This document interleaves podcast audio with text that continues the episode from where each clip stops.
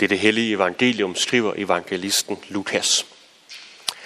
Samme dag var to disciple på vej til en landsby, som ligger 60 stadier fra Jerusalem og hedder Emmaus. De talte til hinanden om alt det, som var sket. Og det skete, mens de gik og talte sammen og drøftede det indbyrdes, at Jesus kom og slog følge med dem. Men deres øjne holdtes til, så de ikke genkendte ham. Han spurgte dem, hvad er det, I går og drøfter med hinanden? De stansede og så bedrøvet ud, og den ene af dem, Kleofas hed han, svarede, er du den eneste tilrejsende i Jerusalem, der ikke ved, hvad der er sket i byen i disse dage? Hvad da? spurgte han. De svarede, det med Jesus fra Nazareth, som var en profet, mægtig i gerning og ord over for Gud og hele folket. Hvordan vores ypperste præster og rådsherrer har udleveret ham til dødstraf og korsfæstet ham. Og vi havde håbet, at det var ham, der skulle forløse Israel. Men til alt dette kommer, at det i dag er tredje dag siden det skete.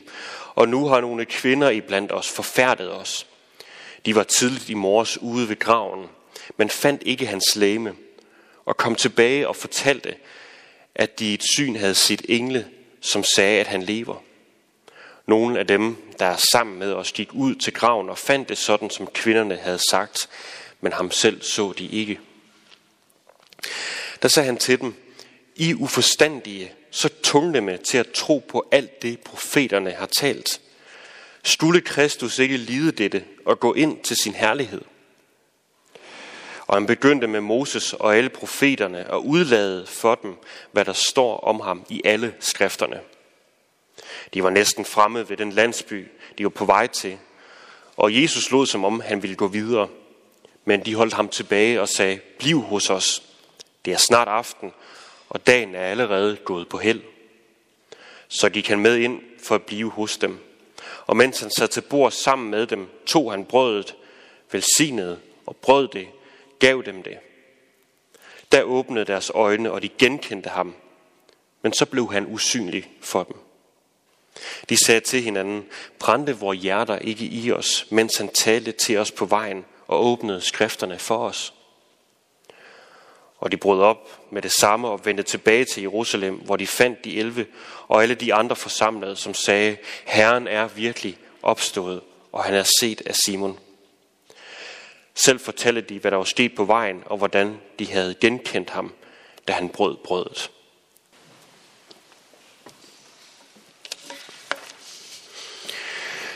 Påskens budskab, det er et fantastisk budskab, og det har så store følgevirkninger, at der er god grund til, at vi prædiker om det her igen og igen hvert eneste år til påske. Og måske også derfor, fordi det er så stort, ja, så er det heller ikke en unik beretning, at der er en, som offrer sig for de mange. Min kone og jeg, vi er i færd med at se en serie derhjemme. Den handler om tophemmelige agenter, og der op til flere gange, der må de sætte deres liv på spil for at redde hele verden. De er en gruppe, og de må arbejde sammen og hengive sig til hinanden. Og så ret ofte møder vi som ser så et påskebudskab. Situationen kan være så tilspidset, at en i gruppen må ofre sig for resten af gruppen, eller for den sags skyld for hele verden. De begivenheder er på mange måder epokegørende, og et eller andet sted, så er der selvfølgelig en stor respekt for og taknemmelighed for, at der var en, der ville ofre sig på den måde. Men mest af alt, så er det faktisk traumatiserende. Gruppen har mistet et medlem, et kær ven. Nok vandt de, men prisen var meget, meget høj. Den historie, den er ofte fortalt i Hollywood eller i populærkulturen generelt. Og fælles er, at der er et før og der er et efter, at et sådan offer det finder sted.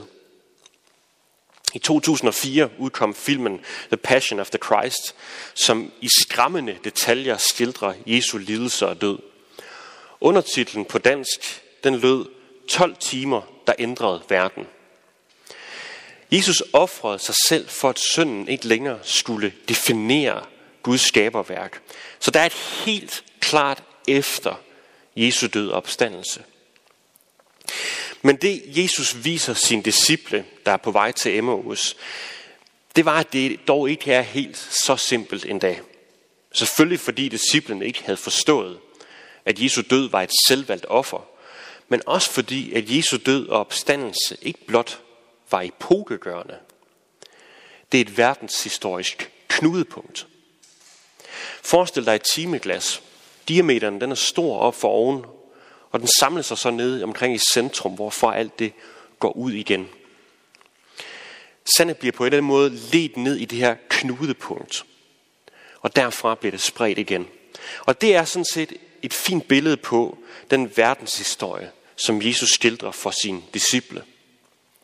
Alt var spredt ud i uorden siden syndefaldet. Men alt får sit knudepunkt, sit samlingssted i Jesus Kristus, i hans korssted og opstandelse fra de døde. I populærkulturen, når en går i døden for en anden, så ændrer deres verden sig fuldstændig. Det gjorde den også, da Jesus døde. Ikke bare for dem, der kendte ham, men for os alle sammen. Alt blev samlet her, for så at blive spredt ud herfra. For det knudepunkt, der blev hele verdens forhold til Gud og til hinanden ændret. Nu er det ikke længere synden, som skiller os fra Gud. Nu bestemmes vores forhold til ham alene og udelukkende ud fra vores relation til Jesus. Det er en helt ny verden, som blev lukket op efter korsdøden og opstandelsen i påsken. Men hvor offeret i populærkulturen bliver skildret nærmest som et uheld, så er det ikke det, der er, til, der er tilfældet her. Alt blev ledt hen imod den begivenhed. Hele skaberværket, det vendte sig og vender sig mod korset på bakken uden for Jerusalem. Korset var ikke bare planlagt. Det er sådan set blevet skaberværkets udgangspunkt og knudepunkt, som har set sin opfyldelse i ham. Påsken er altså ikke bare et punkt i historien. Det er et sted, hvor alle historiens linjer samles og spredes ud fra. Og ikke bare historiens linjer, der er også dine og mine livslinjer, om man vil. De har sit knudepunkt i det kors. I det andet århundrede var der en, der beskrev det her meget fint.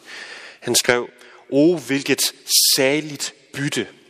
O hvor uforståeligt Guds værk er. O de uventede velsignelser, at de manges syndighed blev gemt i en retfærdig mand, samtidig med at retfærdigheden af denne ene retfærdiggør de mange syndere. Det er det, disciplerne ikke forstod. Det var derfor, de var fyldt med sorg, da de gik. For dem var korset blot et sørgeligt punkt i historien. Og hvis der sorg over tabet ikke var nok, så var de også fortvivlede over den tilsyneladende nonsens, at nogle kvinder var begyndt at fortælle, at han var blevet levende igen. Som, de, som om de sidste dages begivenheder ikke var slemme nok. Ja, deres egen verden og deres egen fortælling og tolkning af begivenheder havde simpelthen blindet dem til at se, hvad der i virkeligheden foregik. De kunne ikke se, at Jesu død og opstandelse havde med dem at gøre, udover at en ven var blevet taget fra dem. Og hvorfor egentlig bebrejde dem? Der er sikkert mange, der kan sige de samme ord, som jeg lige har sagt, vi er mange, som kan forklare, og vi kan også beskrive, hvorfor Jesu død og opstandelse er afgørende for os, og hvorfor troen på det her mysterium er afgørende. Men fatter vi det?